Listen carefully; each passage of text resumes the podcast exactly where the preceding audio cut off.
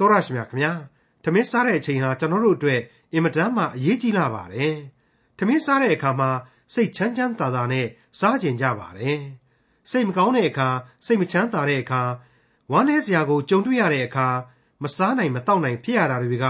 ဒါကိုတက်တည်အထင်ရှားဖော်ပြနေကြတယ်ထမင်းစားတဲ့အခါမှာဘယ်လောက်စိတ်ချမ်းချမ်းသာသာနဲ့စားကြင်ကြသလဲဆိုရင်ထမင်းစားရင်စကားမပြောကြနဲ့လို့တောင်သားသမီးတွေကို ဆိုဆုံးမှတွင်တင်ထားတဲ့မိဘတွေရှိပါတယ်။စကားများပြီးထမင်းပွဲမှာရန်ထဖြစ်တတ်ကြတာတွေကလည်းရှိကြတာကိုဒီကနေ့တင်ပြရသောတမန်ကျမ်းအစီအစဉ်မှာလေ့လာမှာဖြစ်တဲ့ခရိယန်တမန်ကျမ်းဓမ္မအောင်ကျမ်းိုင်းတွေကတုတ်တန်ကျမ်းအခန်းကြီး16မှာတော့တအိမ်လုံးပြည်သောရစ်ပူဇော်ပွဲကိုရန်တွေ့သောစိတ်နှင့်စားရသည်ထက်ငြိမ်သက်ခြင်းနှင့်ရှင်သော မုံတလုတ်စားသည်တာ၍ကောင်း၏လို့ဆိုထားပါတယ်။ ဒီဖော်ပြချက်ဟာဒီကနေ့ခရိယန်အသင်းတော်အဖွဲ့အစည်းကြီးတွေကကျင်းပနေကြတဲ့ပွဲတော်ကြီးတွေနဲ့လည်းသက်ဆိုင်နေကြတယ်ဆိုတဲ့အကြောင်းနဲ့အတူတုတ်တန်ကျန်အခန်းကြီး16ကိုဒေါက်တာထွန်းမြတ်အေးကအခုလိုလေ့လာသုံးသပ်ရှင်းလင်းတင်ပြมาဖြစ်ပါတယ်။တင်ပြရသောသမာကျမ်းရဲ့မိတ်ဆွေတော်တတ်ရှင်အပေါင်းတို့ခမညာမိတ်ဆွေအပေါင်းတို့ကိုရှောလမုန်မင်းကြီးစီရင်ရေးသားတည်ဖြတ်ခဲ့တဲ့တုတ်တန်ကျမ်းတွေအပြင်ဘုရားသခင်ကိုကြောက်ရွံ့ခြင်းသဘောမှအခြေခံတဲ့လောကဉာဏ်ပညာ လောကုတ်တရားဝိညာဉ်ရေးခွန်အားများကိုပါနှုတ်ကပတ်တော်ဟာစုပေါင်းဖော်ပြပေးလျက်ရှိနေပါတယ်ပြီးခဲ့တဲ့အခန်းကြီး16ဟာဆိုရင်ရှောလမုန်မင်းကြီးရဲ့အသက်တာခရီးရှည်ကြီးတွေကကြုံရဆုံရဘုံဘဝပြဿနာတွေသင်ခန်းစာရှည်ကြီးတွေပေါ်မှာမူတည်ပြီးတော့နှစ်လိုပွေသောအဆုံးအမကလေးပေါင်းမြောက်များစွာတို့ကိုတိုတောင်းတဲ့ဝါကြဖွဲ့စည်းမှုကလေးတွေနဲ့ဖော်ပြသွားခဲ့တဲ့ကျမ်းတွေဖြစ်တယ်ဆိုတာကိုကျွန်တော်တို့မြင်ခဲ့ရပြီးပါပြီကျွန်တော်ကလည်းအသေးစိတ်ဖော်ပြပေးခဲ့ပြီးပါပြီ ဒီကနေ့ဒီချိန်မှာကတော့သုတ်တန်ကျမ်းအခန်းကြီး16ကိုရောက်ရှိလာပါပြီအဲ့ဒီအခန်းကြီး16ရဲ့အငယ်1ကိုစတင်နားဆင်ကြည့်ကြပါစို့ရဲ့တအိမ်လုံးပြည့်သောရစ်ပူဇော်ပွဲကိုရန်တွေ့သောစိတ်နှင့်စားရသည်တဲ့ငြိမ်သက်ခြင်းနှင့်ရှင်သောမုံတလုတ်စားသည်သာ၍ကောင်း၏တဲ့ဒီအချက်ဟာသုတ်တန်ကျမ်းအခန်းကြီး15အငယ်15ကနေ18အတွင်းကဖော်ပြချက်ကိုသွားပြီးတော့သတိရမိစေပါတယ်မိษွေတို့အဲ့ဒီမှာဘယ်လိုရေးသားခဲ့တယ်ဆိုတာကိုမှတ်မိကြပါရဲ့လား ဆင်းရဲညိုညင်သောသူ၏နေရရှိသမျှတို့သည်ဆိုးရုပ်ကြ၏ရှင်လန်းသောစိတ်နှလုံးမူကားအစဉ်အမြဲခံရသောပွဲဖြစ်၏နှောက်ယှက်ခြင်းနှင့်ရှင်၍ကြီးစွာသောစည်းစိမ်တဲ့ထာဝရဘုရားကိုကြောက်ရွံ့ခြင်းနှင့်ရှင်သောဥစ္စာအနည်းငယ်သည်သာ၍ကောင်း၏စူအောင်ကျွေးသောနွားတကောင်လုံးကိုအချင်းချင်းအညှိုးထားသောစိတ်နှင့်စားရသည်တဲ့ချစ်ချင်းမေတ္တာပါသောဟင်းရွက်တနတ်စားသည်သာ၍ကောင်း၏မာနကြီးသောသူသည်ရန်ကိုနှိုးဆော်တတ်၏ သီးခံနိုင်သောသူမူကားငြိမ့်တတ်၏အဲ့ဒီလိုဖော်ပြထားခဲ့ခြင်းဖြစ်ပါတယ်အခုဖော်ပြတဲ့ရန်တွေ့သောစိတ်များနဲ့စားတော့ရသောရစ်ပူဇော်ပွဲကြီးဆရာဟာဒီကနေ့ကျွန်တော်တို့အသင်းတော်ကြီးတွေအဖွဲ့အစည်းကြီးတွေကကျင်းပလိရှိတဲ့မဟာအခမ်းအနားကြီးတွေကိုပါဖြတ်ခနဲ့သွားပြီးတော့အောက်မေ့စေတယ်လို့ကျွန်တော်ခံယူမိပါတယ်တီးဝိုင်းကြီးတွေကသာယာတဲ့တေးတွေကိုတီးခတ်ပေးနေတယ်စပွဲပေါ်မှာကြည့်လိုက်မယ်ဆိုရင်လေဟင်းလျာတွေကစားလို့မကုန်နိုင်ဘူး ကျွန်တော်ဗမာစကားပုံတွေကစားလို့မကုန်တောက်လို့မခံဘိုက်ခွေးနန်းဆိုတဲ့ဗမာဆိုယူစကားအတိုင်းပဲပေါ့ဒါပေမဲ့အဲ့ဒီသမင်းစားတော့ဝိုင်းကြီးတွေမှာဘုရားသခင်ပါဝင်ရဲ့လားကျွန်တော်ရဲ့ပျော်ပွဲရှင်ပွဲဝိုင်းကြီးတွေမှာအဖဘုရားသခင်ဥဆောင်မှုရှိရဲ့လားဘုရားသခင်ကိုခေါင်းတက်ပြီးတော့ကျင်းပတဲ့ပွဲလမ်းကြီးပင်ဖြစ်စေကားမူဘုရားသခင်အလိုတော်နဲ့ညီညွတ်တဲ့စိတ်တော်ဓာတ်တွေဘုရားသခင်ကိုယုံကြည်ကိုးကွယ်ခြင်းအားထားခြင်းတွေရှိကြရဲ့လားဆရာဟာ အလွန်အလွန်အရေးကြီးတဲ့မိကွန်းတွေဖြစ်လာစေတယ်လို့ကျွန်တော်ဆိုချင်ပါတယ်အခုသုတ်တန်ဆရာကတော့ဖော်ပြလိုက်ပါပြီတအိမ်လုံးပြည့်သောရစ်ပူဇော်ပွဲကိုရန်တွေ့သောစိတ်နှင့်စားရသည်တဲ့ငြိမ်သက်ခြင်းနှင့်ရှင်သောမုံတလုတ်စားသည်သာ၍ကောင်း၏တဲ့ဓမ္မရာဇဝင်တတိယစာဆောင်အခန်းကြီး16သင်ခန်းစာတွေတုန်းကပရောဖက်အေလိယဆိုတဲ့ဘုရားသခင်ကိုယ်စလေတော်ကြီးဟာလေဣသရေလနန်းတော်တဲကိုဝင်ဘယင်အာဟနဲ့မိဖုရား မိန်းပကြံကြီးယေဇဗေလတို့ကိုရှေ့တဲ့တယ်မှာထားပြီးတော့ငါကိုးကွယ်တဲ့ဣသရေလအမျိုးဤဘုရားသခင်ထာဝရဘုရားအသက်ရှင်တော်မူသည့်အတိုင်းငါအခွင့်မရှိပဲဒီမြေပေါ်မှာမိုးမရွာစေရဘူးနှင်းတောင်မှတပေါက်မကြစေရဘူးဆိုပြီးတော့ဒိုင်းကနေဒိုင်းကနေပူပြောတယ်ပြီးတဲ့အခါမှာကျတော့အဲ့ဒီအေယာမနန်းတော်ကြီးတဲ့မှာတစ်ချက်မှကြာကြာမနေခဲ့ပါဘူးရေကလေးတစ်ခွက်တောင်မှလည်းတောင်းမတော့ပါဘူးတခါတည်းဒုံတိုင်းဒုံတိုင်းနဲ့လှည့်ထွက်လာပြီးတဲ့နောက်သူဥပုပ်ဆောက်တည်နေကြနေရ ဖျားသခင်သူ့အတွက်နေရာချထားပေးတဲ့နေရာဖြစ်တဲ့ခေရိဆိုတဲ့ချောင်းကလေးမှာပဲသွားပြီးတော့နေခဲ့တယ်ကြီးအားတွေယူလာပြီးတဲ့အမဲသားကလေးစားပြီးတော့အဲ့ဒီချောင်းရီကိုပဲတောက်နေခဲ့တယ်ဘပြီးတဲ့နောက်တစ်ခါဘုရားသခင်ကမင်းဒီကနေပြီးတော့ဇိဒုံပြည်ဇရတ္တမြို့ကလေးကိုသွားဆိုတော့လေဘုရားသခင်မှားတဲ့အတိုင်းပဲထွက်သွားခဲ့တယ်ဆိုတာဒီကိုကျွန်တော်တို့တွေ့ကြရပြီးဖြစ်ပါတယ်အဲ့ဒီအတိုင်းပါပဲအဲဂုတ်ထုနန်းတော်ကြီးထဲမှာမင်းသားတစ်ပါးအဖြစ်ရွှေမုံကိုစားနေရတဲ့မောရှိဆိုတဲ့မင်းသားဟာ နန်းတော်ကြီးကိုစွန့်ခွာပြီးတော့မိဒရန်ဆိုတဲ့တော်ကြီးထဲမှာပဲဘုရားသခင်ပေးတဲ့ဘဝတက်ကတူကိုနှစ်ပေါင်း40လောက်တဲပြီးတော့ငြိမ်သက်စွာနေခဲ့သေးတယ်ဒီအကြောင်းတွေကိုလည်းကျွန်တော်တို့အောက်မေ့ဖို့လိုအပ်လာပါတယ်တကယ်တော့အဲ့ဒီလိုအေလိယမောရှေတို့ရဲ့အသက်တာတွေဟာငြိမ်သက်ခြင်းနဲ့ရှင်သောမုန်တလုစာကိုဘုရားသခင်ရဲ့အလိုတော်ကိုဝန်ခံပြီးတော့စားခဲ့ကြခြင်းပါပဲခင်းလုံးပြည့်စပွဲပေါ်ကဘုရားသခင်မနှစ်သက်သောညစာစားပွဲကြီးတွေ ဘုရားသခင်မပါဝင်တဲ့ရွှေနန်းတော်ကြီးတွေကိုပယ်ရှောင်ခဲ့ကြခြင်းပဲဆိုတဲ့သဘောတရားများကိုသူတို့ရဲ့အသက်တာသင်ခန်းစာများဟာဖော်ပြပေးနေပါလေမိတ်ဆွေအပေါင်းတို့ခမညာကျွန်တော်ရဲ့အသက်တာတွေမှာလောကရဲ့သောကဖိစီးမှုကြီးတွေလောကရဲ့လောဘလွှမ်းခြုံမှုကြီးတွေလောကရဲ့မောဟတရားလွှမ်းမိုးမှုကြီးတွေကိုကြုံကြရစမြဲဖြစ်ပါတယ်ဒါပေမဲ့ဘယ်လိုပဲအဲ့ဒီလိုကြုံရကြုံရတခါတလေမှာစိတ်ကိုအကျွင့်မဲ့အလျှော့ချထားလိုက်ပြီးတော့ဘုရားသခင်နဲ့အတူငြိမ်ဝတ်စွာနေတတ်တယ် ဝိညာဉ်ခွန်အားဆင်ញင်တုံတရားများပွားများအောင်ရယူတတ်တယ်ဆုတောင်းခြင်းအပြင်လေရှင်သန်ခြင်းကိုတီးသန့်ခံယူတတ်လာတယ်လို့ကျွန်တော်ဆိုချင်ပါတယ်သုတ်တန်ကျမ်းအခန်းကြီး16အငယ်1ပညာရှိသောကျွန်သည်အဆက်ခွဲသောသားကိုအုပ်ဆိုး၍ညီအကိုတို့နှင့်အတူအမွေခံတတ်၏ဒီအပိုင်းကိုရောက်လာတော့အာဗြဟံဟာဣဇက်ကလေးကိုမမွေးဖွားခင်မှာအမွေခံသားအဖြစ်တောင်မှရည်စူးခဲ့တဲ့တပည့်လူယုံတော်ကြီးအေလျာဇာရှိခဲ့ဘူးတယ်ဆိုတဲ့အကြောင်းကို အောက်မေ့ဖို့လိုလာပါတယ်အေလျာဇာဆိုတဲ့အဲ့ဒီအစီကံကျွန်ကြီးဟာဣဇက်ကလေးပေါ်ထွန်းလာတော့လေဣဇက်အပေါ်မှာမနာလို့မရှိဘူးဣဇက်ရဲ့အိမ်တောင်ရေးကိုပါသူဟာဥဆောင်ကုညီဖြည့်ရှင်းပေးခဲ့သေးတယ်ဆိုတဲ့အချက်တွေကိုကျွန်တော်တို့ကဘာဦးကျမ်းထဲမှာပြန်ပြီးတွေ့နိုင်ပါတယ်အဲ့ဒီအတိုင်းပါပဲဒါဝိမင်းကြီးရဲ့သားကြီးဩရာသအဖေကိုတောင်ပြန်သတ်မယ်လုပ်ပြီးတော့အဖေကိုအကြီးအကျယ်သိခါကြအောင်လုပ်ခဲ့သေးသူ အဘရှလုံရဲ့ပုံစံကိုလည်းပြန်ပြီးတော့မြင်အောင်စေလိမ့်မယ်လို့ကျွန်တော်ထင်မိပါတယ်သူကတော့အရှက်ခွဲတတ်သောလူမိုက်ကြီးပေါ့ဒီတော့ပညာရှိသောကျွန်သည်အဆက်ခွဲသောသားကိုအုပ်ဆိုး၍ညီအကိုတို့နှင့်အတူအမွေခံတတ်၏ဆိုတဲ့သဘောတရားဟာဖြစ်ပျက်ခဲ့မှုတဲ့အတိတ်သင်ခန်းစာတွေနဲ့ရှင်တွဲပြီးတော့စင်ကျင်တုံတရားထားသင့်သလိုရှင်သန်စေကျွန်တော်တို့ရဲ့ဘဝအသက်တာတွေမှာလေဒီလိုပဲဖြစ်နိုင်ပြက်နိုင်တတ်တယ်ဆိုတာကိုသတိထားစေဖို့ဖြစ်ပါတယ် သုတ်တန်ကျမ်းအခန်းကြီး16အငယ်3မှ5ငွေစစ်เสียဖို့မိုက်ကို၎င်းရွှေစစ်เสียဖို့မိဘကို၎င်းသုံးတတ်၏စိတ်နှလုံးကိုကထာဝရဘုရားစစ်တော်မူ၏မတရားသဖြင့်ပြုသောသူသည်မှုသာစကားကိုယုံတတ်၏မှုသာသုံးသောသူသည်လည်းဆိုးညစ်သောစကားကိုနားထောင်တတ်၏စင်ရဲသားတို့ကိုမထီလေးစားပြုသောသူသည်ဖန်ဆင်းတော်မူသောဘုရားကိုကဲ့ရဲ့၏သူတစ်ပါး၌ဘေးရောက်လျင်ဝမ်းမြောက်တတ်သောသူသည်လည်းအပြစ်ဒဏ်နှင့်မလွတ်ရ မဟာသင်္ကန်းစာတစ်ခုပဲလို့ကျွန်တော်မှတ်ချက်ချခြင်းပါတယ်ကျွန်တော်လူစားတိသဘောနဲ့ဘုရားသခင်ရဲ့သဘောတို့ဟာမိုးမြေမကကွာလှမ်းနေတယ်ဆိုတာကိုအထိတ်တလန့်မြင်တွေ့စေပါတယ်မတရားတဲ့ဇာတိစိတ်ဟာလိန်တာကိုကြိုက်တယ်လိန်တတ်တဲ့ပုဂ္ဂိုလ်ဟာလေအညီအဟောက်ကိုကြိုက်တတ်တယ်တဲ့အဲ့ဒါဟာအခြေခံလူသားတို့ရဲ့သဘောတဘာဝပါပဲသဘောတရားပါပဲရှင်းနေပါတယ်နော်ရုပ်တရက်ကတော့လက်ညှိုးကဟိုထိုးဒီထိုးပေါ့အမှန်တော့လူတိုင်းကိုလက်ညှိုးထိုးပြီးတော့ မင်းတို့လူသားတွေအလုံးသတိထားဆိုပြီးတော့ဘုရားသခင်သတိပေးလိုက်တယ်လို့ကျွန်တော်ကတော့ခံယူပါတယ်အဲ့ဒီအချက်တွေကိုအပေါ်ဆုံးကနေချုပ်ထားလိုက်တာကတော့စိတ်နှလုံးသားရင်အဓိကထာဝရဘုရားအစဉ်ကြည်နေတယ်တဲ့အဲ့ဒီအချက်ကိုရှင်းရှင်းကြီးဖော်ပြပြီးတော့မှဆက်လိုက်တာကတော့ဆင်းရဲသားတို့ကိုမဆကူညီသူများအပြစ်လောကကိုဆင်းပြီးတော့ဒုက္ခရောက်နေတာကိုဝမ်းမသာနေတဲ့အဲ့ဒါဟာအပြစ်ပဲဖြစ်တယ်တဲ့မိษွေအပေါင်းတို့ဒါဟာသုတ်တန်ကျမ်းကဉာဏ်ပညာဟာ ခရစ်တော်ရဲ့ဉာဏ်ပညာကိုဖော်ပြတာပဲဆိုပြီးတော့ကျွန်တော်ပြောခဲ့တဲ့အချက်နဲ့ကွက်တိဖြစ်နေပြီမဟုတ်ဘူးလားစောစောပိုင်းကပဲခင်းလုံးပြည့်ရစ်ပူဇော်ပွဲကြီးတဲ့ငြိမ်သက်သောမုံတလုစာဟာပိုပြီးမြတ်တယ်။ဘုရားသခင်အလိုတော်နဲ့ညီတဲ့အသက်တာဟာသာလျှင်အဓိကလို့ဖော်ပြပြီးခဲ့ပြီးဖြစ်တယ်။အခုကျတော့မေတ္တာဝေမျှကဲတင်ချင်းကျေးဇူးကိုပြုကြဆိုပြီးတော့ဆက်လက်ဖော်ပြပေးလိုက်ပါတယ်။မှတ်သားထားစီခြင်းပါတယ်။ဆင်းရဲသားတို့ကိုမဆကူညီသူများအပြစ်လောကကိုဆင်ပြီးဒုက္ခရောက်နေတာကို ဝန်းမသာကြပါနဲ့တဲ့။ဒီကနေ့ကျွန်တော်တို့ရဲ့လူအဖွဲ့အစည်းမှာအပေါ်ယံလွှာပေါ်ကိုအဓိကကြည့်ပြီးတော့ယုံကြည်ခြင်းမှလည်းအပေါ်ယံလူမှုဆက်ဆံရေးမှလည်းအပေါ်ယံစသည်စသဖြင့်အပေါ်ယံလွှာဆန်သောမေတ္တာတွေအပေါ်ယံဆန်သောအတွေ့အခေါ်တွေဟာလွှမ်းမိုးလွန်းနေတာကိုသတိရခြင်းစရာကောင်းလာပါတယ်။ဘုရားသခင်ဟာအဲ့ဒီလူလောကအတွက်ဒီကနေ့သုတ်တန်ကျမ်းအဖြစ်အခိုင်အမာသတိပေးနေပါတယ်။ရုပ်ဘဝရဲ့တိုးတက်ထွန်းကားမှုတွေသိပ္ပံအတတ်ပညာအောင်ပွဲကြီးတွေအပေါ်မှာပဲလူသားတွေဟာအဟုတ်ကြီးမှတ်နေကြတယ် ကြည်နူးနေကြတယ်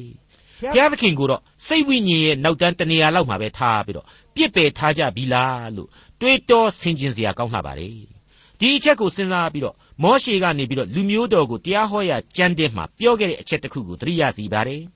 တရားဟောရာကျမ်းအခန်းကြီး32အငယ်15အရာတွေ့နိုင်ခြင်းပါတို့ရာတွင်ယောရှုယုံသည်စူဝ၍ခြေနှင့်ကန်လေ၏စူဝလျက်တုတ်လျက်စီဥနှင့်ပြည့်စုံလျက်နေသဖြင့် ဖန်ဆင်းတော်မူသောဘုရားသခင်ကိုစွန့်၍ကဲတင်ရာကြောက်ကိုမထီမဲ့မြင်ပြုလေ၏သူတို့သည်အခြားတစ်ပါးသောဘုရားအဖျင်ညူစုစေကြ၏ယွန်ရှာပွေသောအမှုအရာအဖျင်လည်းအမျက်တော်ကိုနှိုးဆော်ကြ၏တဲ့မိတ်ဆွေတော်တတ်ရှင်အပေါင်းတို့ခမညာလူသားတို့ရဲ့ဘဝအသက်တာမှာဘုရားသခင်ဟာရုပ်ပိုင်းဆိုင်ရာလိုအပ်ချက်များအတွက်သမိုင်းအဆက်ဆက်ကျေးဇူးပြုခဲ့ပြီးပြီဆိုတာကိုကျွန်တော်တို့တွေ့နိုင်ပါတယ်အဲ့ဒီကျေးဇူးတော်များကိုခံစားကြရင်းနဲ့ပဲလူသားတို့ဟာလည်းဘုရားသခင်ကိုသမိုင်းအဆက်ဆက်ပြန်ပြီးတော့ မထီမဲ့မြင်ပြုခဲ့ကြတယ်တော်လှန်ခဲ့ကြတယ်လို့ကျွန်တော်တို့အမှန်ကိုအမှန်အတိုင်းမြင်ကြဖို့အရေးကြီးလာပါတယ်သုတ်တန်ကျမ်းအခန်းကြီး16အငယ်6မှ9မြေးတို့သည်အသက်ကြီးသောသူ၏တရဖူဖြစ်၏သားတို့၏ဘုံကအဖသည်မြတ်သောစကားသည်မိုက်သောသူနှင့်မတော်မသင့်ထိုမြမကမှုသာစကားသည်မင်းနှင့်မတော်မသင့်လက်ဆောင်သည်ခံသောသူအထင်အတိုင်းကြောက်မြတ်ကဲ့သို့ဖြစ်၍မျက်နှာပြုလီရာရာ၌ အောင်တတ်၏သူတစ်ပါးပြစ်မှားသောအမှုကိုဖွက်ထားသောသူသည်မေတ္တာကိုပြုစု၏ကြားပြောသောသူမူကားမိษွေတို့ကိုကွဲပြားစေ၏လောကနိယာမတရားလေးတွေဖြစ်ပါတယ်မိသားစုကြီးတစ်ခုရဲ့ချစ်ချင်းမေတ္တာအနှောင်အဖွဲ့အကြောင်းကိုအများကြီးထင်ဟပ်ပေါ်လွင်စေပါတယ်ထို့ရမကလူအဖွဲ့အစည်းရဲ့မေတ္တာသဘောကိုပါအားဖြည့်ပေးနေတယ်လို့ကျွန်တော်ခံယူပါတယ်သူများမကောင်းတာမကောင်းတာတကန်တရှောက်ပြီးတော့သပုတ်လေလွင့်တွေမပြောနဲ့ အတင်းအဖျင်းတွေရှောက်မပြောနဲ့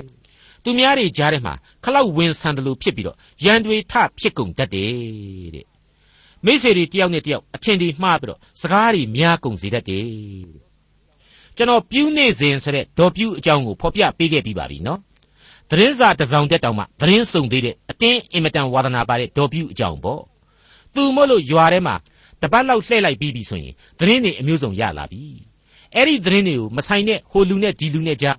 ဒီလူနဲ့ဟိုလူနဲ့ကြားမှာရှောက်ပြီးတော့ဖြန့်ဝေပေးလိုက်တဲ့အခါကျတော့လူတွေတယောက်နဲ့တယောက်ထပြီးတော့ရန်ဖြစ်တတ်တယ်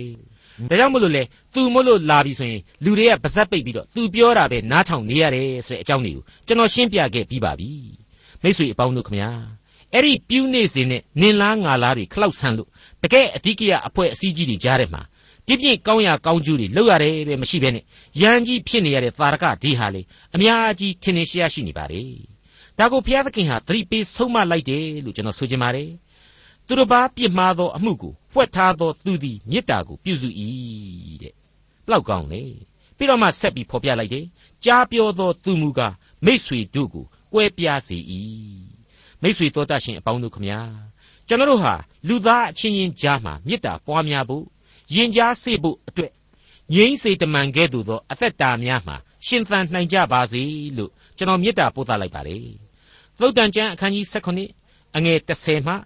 15မိုက်သောသူသည်ဒဏ်ချက်တရားကိုအမှုထားသည်တဲ့ပညာရှိသောသူသည်ဆုံးမသောစကားကိုသာ၍အမှုထားတတ်၏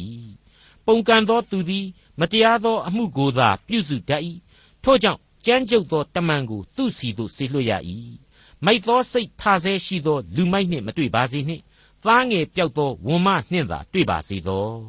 အကျဉ်သူသည်ကျေးဇူးကိုမသိမကောင်းသောအမှုနှင့်ဆက်၏ထိုသူ၏အိမ်သည်မကောင်းသောအမှုနှင့်မကင်းမလွတ်ရ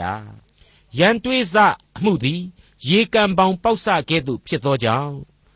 ရန်မတွေ့မီတွေ့เสียအကြောင်းကိုရှောင်လော့မတရားသောသူတို့ကိုအပြစ်မှလွတ်သောသူနှင့်ဖြောက်မတ်သောသူတို့ကိုအပြစ်စီရင်သောသူနှစ်ယောက်စလုံးတို့ကို ထာဝရဘုရားဆက်ဆုပ်ယွန်ရှာတော်မူ၏အခုဖော်ပြခဲ့တဲ့အချက်တွေဟာပညာသတိကိုလိုချင်နေတဲ့လူငယ်လူရွယ်ကလေးတွေကဘဝမှာကောင်းကျိုးပြုကျင်နေတဲ့လူတွေရောအကုန်လုံးသတိပြုရမယ့်အချက်ပါပဲဗမာစကပုံတစ်ခုမှာကတော့လူမိုက်မှာဆေးမရှိဘူးတဲ့တငါနာနီတငါမုတ်ဆိုးနာနီမုတ်ဆိုးတဲ့အဲ့ဒီလိုဖော်ပြထားပါတယ်ဒါကြောင့်မို့လို့ဘာလနန်လူမိုက်တွေကိုမပေါင်းနဲ့လို့လည်းဖော်ပြထားပါတယ်အခုသုတ်တန်ကျမ်းရဲ့ဖော်ကျူးချက်ကတော့ အဲ့ဒီတဲ့ဆယ်ပြန်ပို့ပြီးတော့ဆိုပါတယ်ကြောက်ခမန်းလိလိကြီးဖြစ်နေပြီမိုက်စိတ်ထနေတဲ့လူမိုက်ကြီးတွေနဲ့များတွေ့ရင်သားစိတ်မှုန်နေတဲ့ဝက်ဝံမကြီးတဲ့ဆိုးတယ်ပြေးပြီတော့တဲ့ဟုတ်တယ်အဲ့ဒါဟာရှောင်ရံပဲဒါပေမဲ့နော်နှုတ်ကပတ်တော်မှာအဲ့ဒီလိုရှောင်ရံကိုဖော်ပြထားတာကိုကွက်ပြီးအလွတ်ကျက်အမြဲတမ်းထွက်ကြည့်ပြေးနေရသလားဆိုတော့လေမဟုတ်သေးပြန်ပါဘူးရှောင်ရံရှိတယ်လို့ဆောင်ရံအချက်ရှိလာပါတယ်အဲ့ဒါကိုတော့သုတ်တန်ဆရာရဲ့ဖခင်ကြီးဒါဝိဒ်ကိုယ်တိုင်ဖော်ပြခဲ့တဲ့စကားပဲ တနည်းဆိုရရင်တော့မလွှဲမရှောင်သာတဲ့ပြဿနာများစွာနဲ့အသက်တာမှာမလွတ်မကင်းရင်ဆိုင်ရခြင်းများဖြစ်လာခဲ့သည်ရှိသောဆောင်းရံဆိုတဲ့အချက်ပါပဲသင်သည်ဓာလှန်ကိတုံပါလျက်ငါထံသို့လာ၏ငါသည်သင်ကျိမ့်ပသောဣသရေလတို့၏ဘိုးကျေတို့၏ဖျားသခင်ကောင်းကင်ဘိုးကျေအရှင်ထာဝရဘုရား၏နာမတော်ပါလျက်သင်ရှိရာသို့ငါလာ၏တဲ့ဒီတော့ရှောင်ရံရှိတယ်လို့အခုဆောင်းရံဆိုတာပေါ်လာပြီ ဘာကိုဆောင်းရမလဲကောင်းကင်ဘိုးကြီးအရှင်ထာဝရဘုရား၏နာမတော်ကိုဆောင်းရမှာဖြစ်ပါတယ်ဟုတ်ပါတယ်နှုတ်ကပတ်တော်ဟာဘယ်တော့မှတစ်ဖက်ဆောင်းနေမဖော်ပြပါဘူးသင့်တင့်မျှတခြင်းရှိပါတယ်ရန်ရင်ချင်းကိုအစဉ်ဦးစားပေးသလိုရန်တတ္တရုပြုခြင်းနဲ့ရင်ဆိုင်ရခြင်းမှလေဘုရားသခင်နဲ့သာလက်တွဲရင်ဆိုင်ကြရလိမ့်မယ်ဆိုတာကိုသင်ကြားပေးလိုက်ပါတယ်စိတ်စိတ်စဉ်းစားတဲ့အချက်ဟာအခုတပါးတည်းဆက်ပြီးတွေ့ရပါတယ် မတရားမှုကြီးကိုမတရားမှန်းသိရင်လည်းခေါင်းငုံခံနေတာမျိုးကိုလေဘုရားသခင်မနှစ်သက်ဘူးဆိုတဲ့အချက်ပါအငယ်14နဲ့15ကိုပြန်ပြီးတော့ဖတ်ပြပါရစေရန်တွေးစအမှုသည်ရေကန်ပေါင်ပေါက်ဆကဲ့သို့ဖြစ်သောကြောင့်ရန်မတွေ့မီတွေ့เสียအကြောင်းကိုရှောင်လော့မတရားသောသူတို့ကိုအပြစ်မှလွတ်သောသူနှင့်ဖြောင့်မတ်သောသူတို့ကိုအပြစ်စီရင်သောသူနှစ်ယောက်စလုံးတို့ကိုထာဝရဘုရားဆက်ဆုပ်ယွန်ရှာတော်မူ၏မိတ်ဆွေအပေါင်းတို့ခမညာ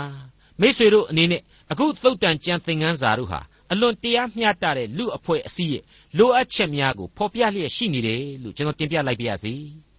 အခုသုတ်တန်ကျမ်းအခန်းကြီး16အငယ်16မှ21ကိုဆက်လက်တင်ပြပါရစေမိုက်သောသူသည်ပညာကိုအလိုမရှိသည်ဖြစ်၍ပညာအဖိုးကိုအဘယ်ကြောင့်သူ၌အပ်ရသနည်းအဆွေခင်မွန်းသည်အခါခတ်သိမ်းချစ်တတ်၏ညီအကိုသည်ဒုက္ခကာလအဖို့မွေးဖွားလျက်ရှိ၏ညံမဲ့သောသူသည်လက်ဝါးချင်းရိုက်၍ အဆွေခင်ပွန်းရှိမှအာမခံတတ်၏ရန်တွေ့ခြင်းကိုနှစ်သက်သောသူသည်လွန်ကျူးခြင်းကိုလည်းနှစ်သက်တတ်၏မိမိတကားကိုချီးမြှင့်သောသူသည်ပျက်စီးခြင်းကိုရှာတတ်၏သဘောကောက်သောသူသည်ကောင်းသောအကျိုးကိုမတွေ့တတ်စကားလိန်သောသူသည်ဘေးဥပတ်နှင့်တွေ့ကြုံတတ်၏မိုက်သောသူကိုဖြစ်ပွားစေသောသူသည်မိမိကိုမိမိဝန်းနေစေတတ်၏မိုက်သောသူ၏အဖ၌ဝမ်းမြောက်เสียအကြောင်းမရှိ ခေတ်သစ်ပညာရေးမှာဘုရားသခင်ကိုမသိတဲ့လူမိုက်တွေစာရီသာတအားဖိကျက်ပြီးတော့ပွဲရူးဂုံတူးကြီးတွေသာရနေကြတယ်အဖဘုရားသခင်ကိုမကိုးကွယ်မစည်းကပ်တတ်တဲ့မာနသမားတွေကိုအပြစ်တင်ဆုံးမလိုက်တာပဲလို့ကျွန်တော်ခန်းစားမိပါတယ်ကဲလူမိုက်တို့နဲ့ပတ်သက်ပြီးတော့ဘယ်ဘက်ကများစိတ်ချမ်းသာစရာရှိသေးလဲတခုမှစိတ်ချမ်းသာစရာမရှိပါဘူးမွေးလာကြတဲ့ကဒုက္ခပေးဖို့မွေးတယ်လို့ဖြစ်နေတယ်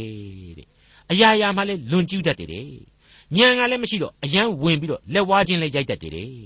တနည်းဆိုရရင်တော့ဘန်းစကားလူဘိန်းစကားနဲ့ပြောမယ်ဆိုရင်နှစ်ပေါက်တစ်ပေါက်ရိုက်တယ်ပေါ့နောက်ဆုံးကျတော့သူ့အဖေကြီးကတောင်းမှဒီလိုကောင်မျိုးကိုတော့ငါမှမွေးပဲမွေးတတ်ပါပြီကွယ်ဆိုပြီးတော့မျက်ရည်တွေများတောင်တောက်တောက်ကြရတယ်ဆိုပါလားမိษွေအပေါင်းတို့အခုသုတ်တန်ကြမ်းပိုင်းဟာလူမိုက်တို့ရဲ့အကြောင်းကိုအထွေထွေသဘောဖော်ပြလိုက်ခြင်းပါပဲအဆွေခင်ပွန်းအစ်စ်အမှန်ဟာအခါခတ်သိမ်းချစ်တတ်၏ဆိုတာကို ကျွန်တော်စိတ်ထဲရှိတဲ့အတိုင်းပြောရရင်တော့ယောနသန်နဲ့ဒါဝိဒ်တို့အကြောင်းကိုပြန်ပြီးတော့ပုံဝတ္ထုဆန်ဆန်ကြားရတဲ့ရှောလမုန်ဓမ္မရာဇဝင်တွေကိုသိလာရတဲ့ရှောလမုန်ဟာယင်းနှင်းသီးစွာဖော်ပြလိုက်ခြင်းပဲလို့ကျွန်တော်ခံယူမိပါတယ်ဟုတ်ပါတယ်ရှောလူမင်းရဲ့သားတော်ယောနသန်ဟာအခုသုတ်တန်ကျမ်းကိုပြုစုနေတဲ့ရှောလမုန်မင်းကြီးရဲ့ဖခင်ဒါဝိဒ်ကိုအင်မတန်ချစ်ခဲ့တယ်စောင်းသမားကလေးဘဝမှာသူ့အဖေကိုလာပြီးတော့တိခတ်ဖျော်ဖြေတုန်းကချစ်ခဲ့တယ်လို့ ရှောလူမင်းကနေလိုက်ပြီးတော့တတ်လို့ထွက်ပြေးရတဲ့အချိန်မှလေယောနသန်ရဲ့မြစ်တာဟာဒါဝိဒ်အပေါ်မှာမပြေခဲ့ဘူးဆိုတာကိုကျွန်တော်တွေ့ခဲ့ရပါတယ်နောက်ဆုံးတော့သူ့ယာရုနေရာလို့ဆိုနိုင်တဲ့ရာဇပလင်အတွက်ပါဒါဝိဒ်ခံစားနိုင်ဖို့အတွက်အသက်ပေးပြီးချစ်ခဲ့တယ်ဆိုတာကိုကျွန်တော်အံ့ဩဖွယ်တွေ့မြင်နိုင်ပါတယ်ဒါကိုပြန်ပြီးတော့သိနာလေလာတဲ့ရှောလမုန်မင်းကြီးအခုဖော်ပြလိုက်ပြီအဆွေခင်ပွန်းအစ်စ်အမှန်ဟာအခါခတ်သိမ်းချစ်တတ်၏တဲ့သုတ်တန်ကျမ်းအခန်းကြီး16 အငယ်22စိတ်ရှင်လန်းခြင်းသည်ကျမ်းမာစေတတ်၏စိတ်ပြည့်ခြင်းမူကားအယိုးတို့ကိုတွေးချောက်စေတတ်၏အထူးပြုရမယ့်သစ္စာတရားပါစိတ်ထောင်းကိုကြီးဆိုတာကိုအတီးပြုတ်ပေးလိုက်တာပါပဲမိษွေတို့ကျွန်တော်တို့စိတ်ဆင်းရဲစရာတွေများများခံစားရပြီဆိုရင်လေအလိုလိုချစ်ချုံကြသွားတော့တာပဲမဟုတ်ဘူးလားတောင်တွေးမြောက်တွေးတွေးမိရင်နဲ့အလိုလိုအစာမကြည်တော့ဘူးအိတ်လို့လည်းမပျော်တော့ဘူးရင်ထဲမှာတမျိုးကြီးနေလို့မကောင်းတော့ဘူးဆိုတာကြီးဖြစ်ရပြီအဲ တချို့သိအလွန်အကျူးဖြစ်လာတော့ဘဝပြည့်ဇက်ခင်းတဲ့အဆင့်အထိသတ်သေးတဲ့အဆင့်အထိတောင်မှရောက်ကုန်ကြရတယ်ဆိုတာကိုယဉ်ထုမနာပဲတွေ့မြင်နိုင်ပါတယ်အဲ့ဒီအထက်မှာတော့အပြစ်တွေကိုကျူးလွန်ထားတဲ့အခါမှာတော့အဆိုးဆုံးပါပဲဒါကိုလည်းဒါဝိမင်းကြီးဘယ်လိုယင်ဖွင့်ခဲ့သေးတယ်ဆိုတာကိုကျွန်တော်တို့က32ခုမြောက်သောဆာလံမှာအခုလိုပြန်ပြီးတွေ့မြင်ရပါတယ်32ခုမြောက်သောဆာလံရဲ့အငယ်1မှ9ကိုနားဆင်ကြည့်ကြပါအပြစ်မှလွတ်ခြင်း ဒုစရိုက်အပြစ်ကိုဖုံးအုပ်ခြင်းသို့ရောက်သောသူသည်မင်္ဂလာရှိ၏ထာဝရဘုရားအပြစ်တင်တော်မူခြင်းနှင့်လွတ်၍လှည့်စားတတ်သောစိတ်တော်နှင့်ကင်းစင်သောသူသည်မင်္ဂလာရှိ၏ငါသည်အပြစ်ကိုမဖော်မပြဘဲနေစဉ်အခါတနေ့လုံးညီးတွားသောအဖြစ်ငါအယိုးတို့သည်ဆွေးမြေ့ခြင်းသို့ရောက်ကြ၏နေညာမပြတ်ကိုတော်ဤလက်သည်အကျွန်ုပ်အပေါ်မှလေး၍အကျွန်ုပ်ဤချွေးရည်သည်ຫນွေကာလ၌သွေ့ချောက်ခြင်းကဲ့သို့ဖြစ်ပါ၏ တဖန်အကျွန်ုပ်သည် ကိုအပြစ်ကိုရှေ့တော်၌ဝန်ချပါ၏ပြုမိသောဒုစရိုက်ကိုဖွဲ့၍မထားပါငါလွန်ကျူးသောအရာကိုထာဝရဘုရားအားဖော်ပြတောင်းပန်မည်ဟုပြောဆိုသောအခါကိုတော်သည်အကျွန်ုပ်ပြစ်မှားခြင်းအပြစ်ကိုလွတ်တော်မူ၏ထို့ကြောင့်ကိုတော်ကိုတွေ့သင့်သောအချိန်ကာလ၌တန်ရှင်းသူအပေါင်းတို့သည် ရှေ့တော်၌တောင်းလျှောက်ကြပါလိမ့်မည်အကယ်စင်စေလွှမ်းမိုးတတ်သောရေကြီးသည် သူတို့ထံသို့မချင်းရပါ ကိုတော်သည်အကျွန်ုပ်ခိုလုံရာဖြစ်ပါ၏အကျွန်ုပ်ကိုဘေးလွတ်စေခြင်းငှာကွယ်ကာစောင့်မတော်မူ၏ကယ်လွတ်ကြောင်းကိုဆိုသောတည်ခြင်းနှင့်အကျွန်ုပ်ကိုခြံရံစေတော်မူ၏မိษွေတော်တတ်ရှင်အပေါင်းတို့ခမညာဖျားသခင်မနှစ်သက်သောဒုစရိုက်ပြစ်မှုများကိုရှောင်ကြပါပြုမိခဲ့သည်ရှိသောဖျားသခင်ရှေ့တော်မှောက်မှာနောင်တနှင့်တိုးဝင်ချင်းကပ်၍အသနာခံကြပါသုတ်တန်ကျမ်းအခန်းကြီး19အငယ်23နဲ့24 မတရားသောသူသည်တရားလမ်းကိုဖျက်သောအဖိုးတစိုးကိုသူတစ်ပါး၏ခပိုက်အိတ်ထဲကနှိုက်ယူတတ်၏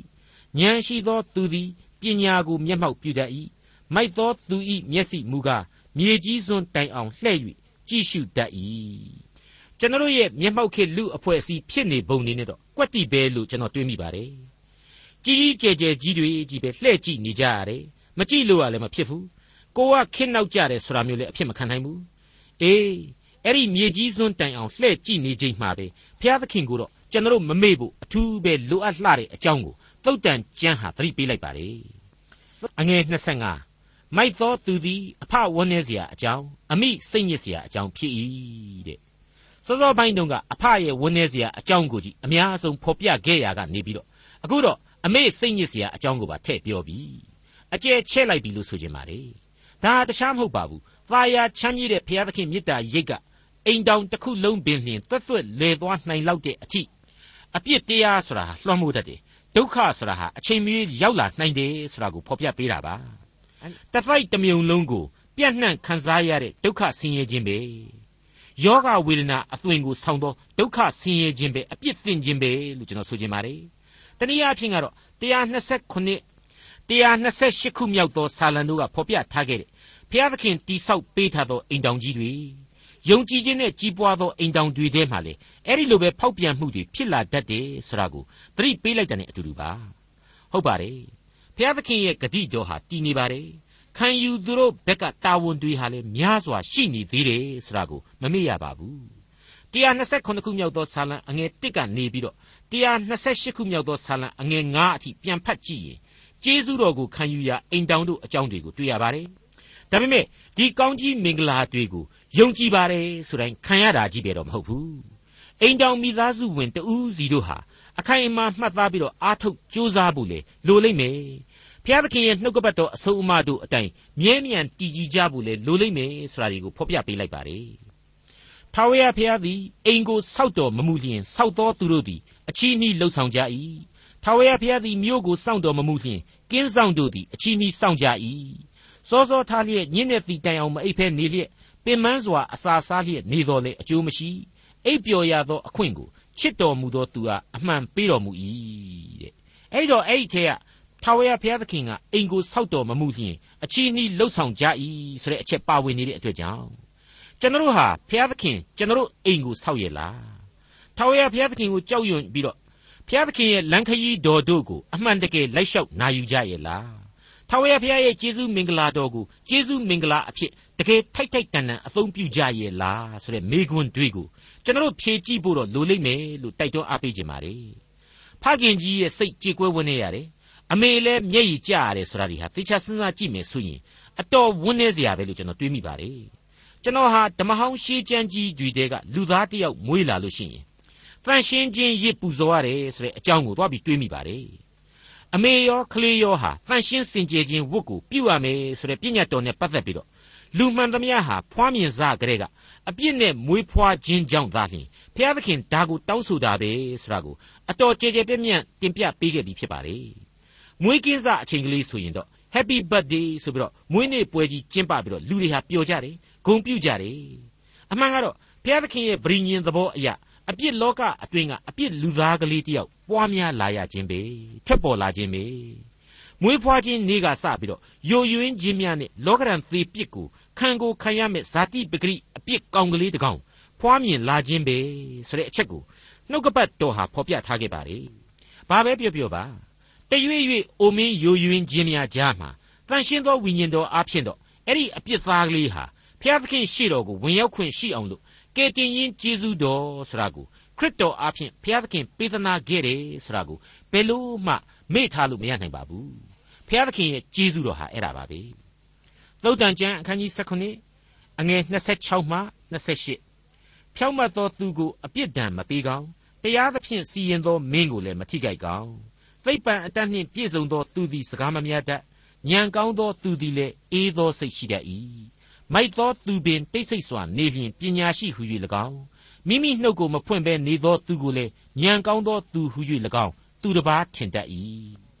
စိတ်စိတ်နေခြင်းသည်ယရနာဖြစ်၏ဆိုတဲ့သဘောကို silence is golden ဆိုပြီးတော့အင်္ဂလိပ်ကဆိုပါတယ်တကယ်တော့ဒီနေရာမှာစကားမများတတ်ဘူးဆိုတာဟာဖျားသခင်ကိုကြူးပြီးတော့ငါတော်တယ်ငါတတ်တယ်ဆိုတာမျိုးမလုပ်ကြတာကိုသာဆိုလိုခြင်းဖြစ်ပါတယ်ဒီအချက်ဟာအလွန်အရေးကြီးတဲ့အသည့်တရားတစ်ခုကိုသုတ်တန်ကျမ်းအဖြစ်ကျွန်တော်တို့ကိုဘုရားသခင်သင်ပေးလိုက်တယ်လို့ကျွန်တော်ခံယူပါတယ်